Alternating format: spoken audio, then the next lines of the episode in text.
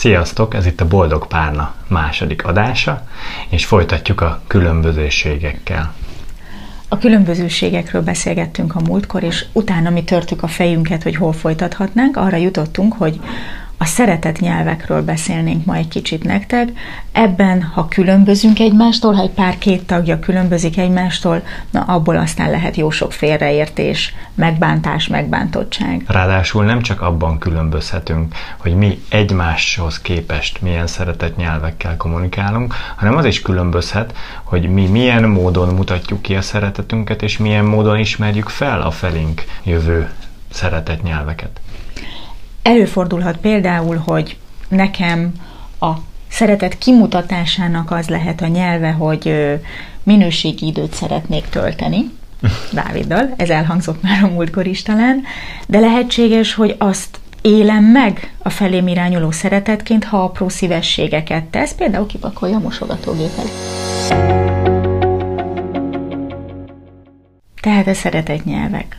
A minőségi idő, ez azt jelenti, hogy energiát, figyelmet, időt áldozok arra, hogy a párommal úgy töltsek időt, hogy az neki és nekem is jó legyen. Együtt kiránduljunk, elmenjünk együtt egy kórusba énekelni, együtt főzzünk, valami ilyesmi. Neked eszedbe jut még erről valami? Hát vagy például a beszélgetések. Nagyon sok párnál tapasztaltam azt, hogy mondjuk elmennek egy wellness hétvégére, és ez úgy néz ki, hogy a, az egyik, a pár egyik tagja elmegy mondjuk a szaunába és olvas, a másik tagja pedig mondjuk filmet néz, és nem is töltenek úgy nagyon időt együtt. Persze mindkettőjüknek ez pihenés, de ez nem a minőségi együtt töltött idő. Vagy például a másik eset, amikor ott vannak mind a ketten a térben, jelen vannak, együtt vannak, de nem egymással foglalkoznak, mert mondjuk az egyik őjük nyomkodja a telefonját. Meg a másik hójuk is. Hát, vagy pedig ő csak beszél, de a másik nem figyel rá, az nem minőségi idő, tehát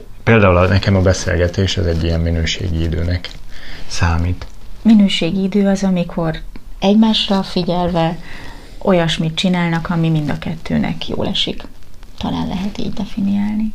Szeretett nyelv az apró szívességek. Apró szívesség, hogyha reggel késésben van a párom, csinálok neki egy szendvicset. Vagy a hideg téli estén értem megyek autóval, és elhozom a busz megállóból. Vagy? Hmm, vagy például feladom rá a kabátját, ez is apró szívesség. Akár ez is lehet az, igen. De azt gondolom, hogy ezt bátran bővíthetitek a sajátok szá, szája íze szerint. Nekem most hirtelen ezek jutottak eszembe. Szeretett nyelv az ajándékok. Ezt talán nem kell olyan nagyon magyarázni, és nem is kell feltétlenül toronyórára lánccal gondolni. Lehet egy, lehet egy kedves üzenet reggel, amit becsempészek a másik táskájába, hogy megtalálja, amikor megy dolgozni. Egy másik fontos szeretetnyelv az érintés, Biztos ismertek olyat, aki nagyon ölelgetős, vagy nagyon gyakran érinti meg a másikat. Ez például egy tipikusan a rokonszemnek egy kimutatási formája. Vannak, akiknek ez ugye kicsit kevésbé ö, elfogadott, de vannak, akiknek ez az elsődleges szeretetnyelvük, és ebből tudják ö, leszűrni azt, hogy a másik hogyan érez irántuk. Vagy ebből tudják kimutatni, hogy ők hogyan éreznek a másik iránt. Igen, mert ugye bár ebben is lehet különbözőség. Eh, mondjuk az érintésnél ez egy ritka dolog, hiszen hogyha valaki adja, akkor általában szereti kapni is, de lehet, hogy ebben vannak különbözőségek. És az ötödik szeretetnyelv pedig az elismerő szavak.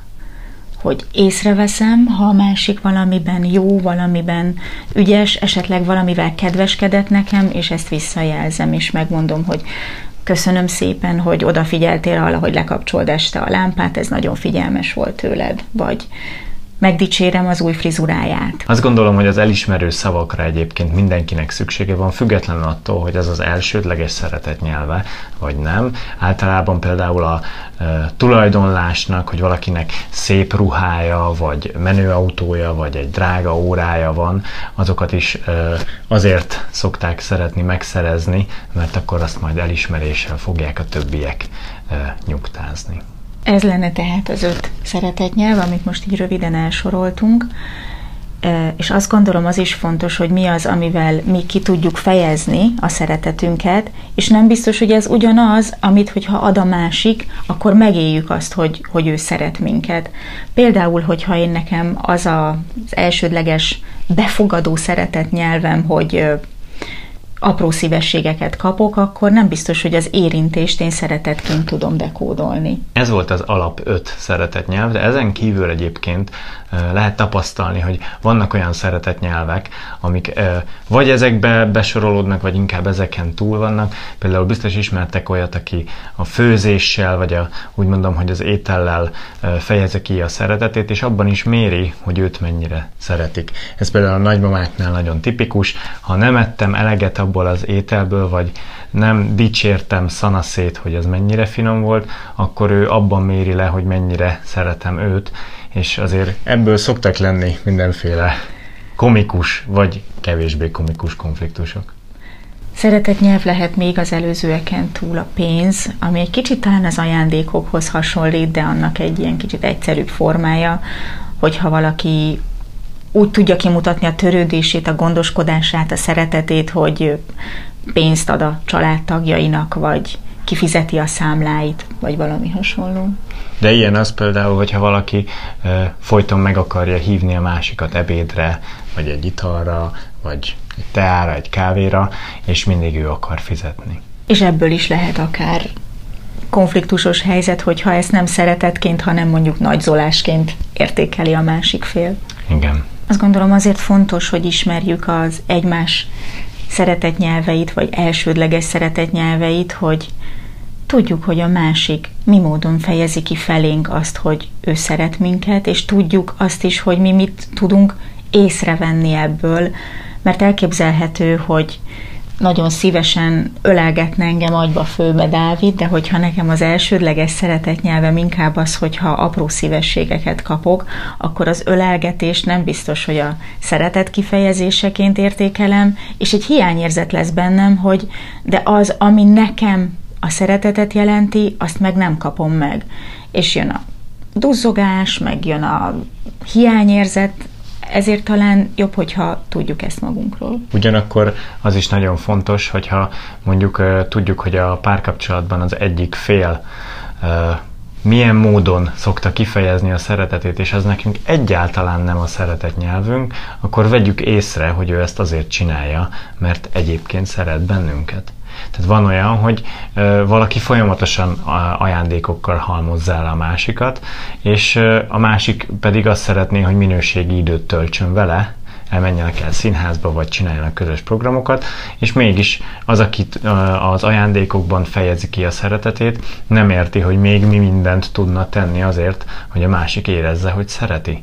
És ilyenkor érdemes annak tudatában lenni, hogy nem azért adja azokat az ajándékokat, mert mert bármi másért, hanem azért, mert... mondjuk mert... manipulálni akarná, vagy... Hát, vagy meg vagy akarja venni, szokták ezt mondani, többi, hogy... Hanem nála ez a szeretetnek a kifejezése. És hogy egy kicsit cifrább legyen a helyzet, ez akár az idővel változhat is. Úgyhogy talán érdemes erre néha újra és újra ránézni, hogy vajon miből érzem, hogy szeretve vagyok, és én vajon hogy tudom úgy szeretni, úgy megmutatni, hogy a párom is érezze, hogy ő szeretve van. És a másik, amit mindenképpen érdemes lenne, hogy a meglévő párkapcsolatban érdemes megbeszélni, egy sorrendet állítani, hogy ez az öt szeretett nyelv milyen sorrendben van az illetőnél, és honnan tudja azt észlelni, hogy a másik szereti, vagy hogyan várná annak a kifejeződését, hogy ő ezt pontosan érezni tudja, mert ez a másiknak is segít. És azt gondolom, hogy itt jön a képbe a különbözőség, amit így szoktunk belengetni, mert ehhez viszont egy nagyfokú tudatosság is kell, hogy esetleg úgy tudjam szeretni a másikat, és úgy tudjam kifejezni, ami nekem nem zsigerből jönne, hanem utána kell gondolnom, hogy igen, számára az egy nagyon fontos szeretetnyelv, hogyha átölelem, ha megsimogatom, abból érzi, hogy szeretve van, és nem biztos, hogy az, amit én amúgy tennék, hogy leülnék vele beszélgetni. Lehet, hogy nem erre van szüksége, és nem ebből érzi, hogy szeretem. A mi konkrét esetünk például ez egy e, viszonylag e, tipikus helyzet szerintem. E, nekem az elsődleges szeretett nyelvem az az érintés. Hogyha én azt szeretném kifejezni Gabi felé, hogy törődöm vele, akkor simogatni szoktam, átölelni szoktam, vagy akár egy masszást szeretek adni neki. És e, azt gondolom, hogy ennek bizonyos értelemben teljesen logikus, hogyha nekem az érintés a szeretetnyelv, akkor ezen fejezem ki a szeretetemet. Ezzel szemben Gabinak a minőségi idő sokkal inkább szeretetnyelve, és meg kellett azt szoknom, hogy noha én közben mondjuk megmasszírozom a lábát, de közben beszélgetünk, és ez sokkal inkább átmegy ilyenkor neki, mint hogyha csak egyszerűen megmasszíroznám szó nélkül. Talán az is szokatlan lehetett neked, hogy amikor összekerültünk, én már akkor is olyasmi ajándékokat adtam, ahol közösen tudunk időt tölteni, valami közös tevékenységre egy kupon. Lehet, hogy ez szokatlan volt neked akkor. Reméljük, hogy meg tudtuk világítani ebben a videóban, hogy miért is fontosak a szeretetnyelvek, és hogy ezek a különbözőségek egyébként, hogyha beszéltek róluk, akkor hogyan tudják a kapcsolatot elmélyíteni, esetleg közelíteni titeket. Ha fölkeltette az érdeklődéseteket a téma, és nem vagytok biztosak benne, hogy melyik lehet az elsődleges, vagy az első két-három szeretetnyelvetek, talán érdemes lehet egy tesztet kitölteni ezzel kapcsolatban, az interneten is találtok ilyet bőves-bőven. Szerintem belinkeljük a videó alatt, amiket mi találunk, e, és egyébként arra akartalak még titeket kérni, hogyha szimpatikus nektek a csatornánk, akkor iratkozzatok föl rá, és nyomjátok meg a kis harangikont is, mert akkor nem maradtok le a következő videóinkról sem. Jövő héten is találkozunk. Sziasztok! Sziasztok!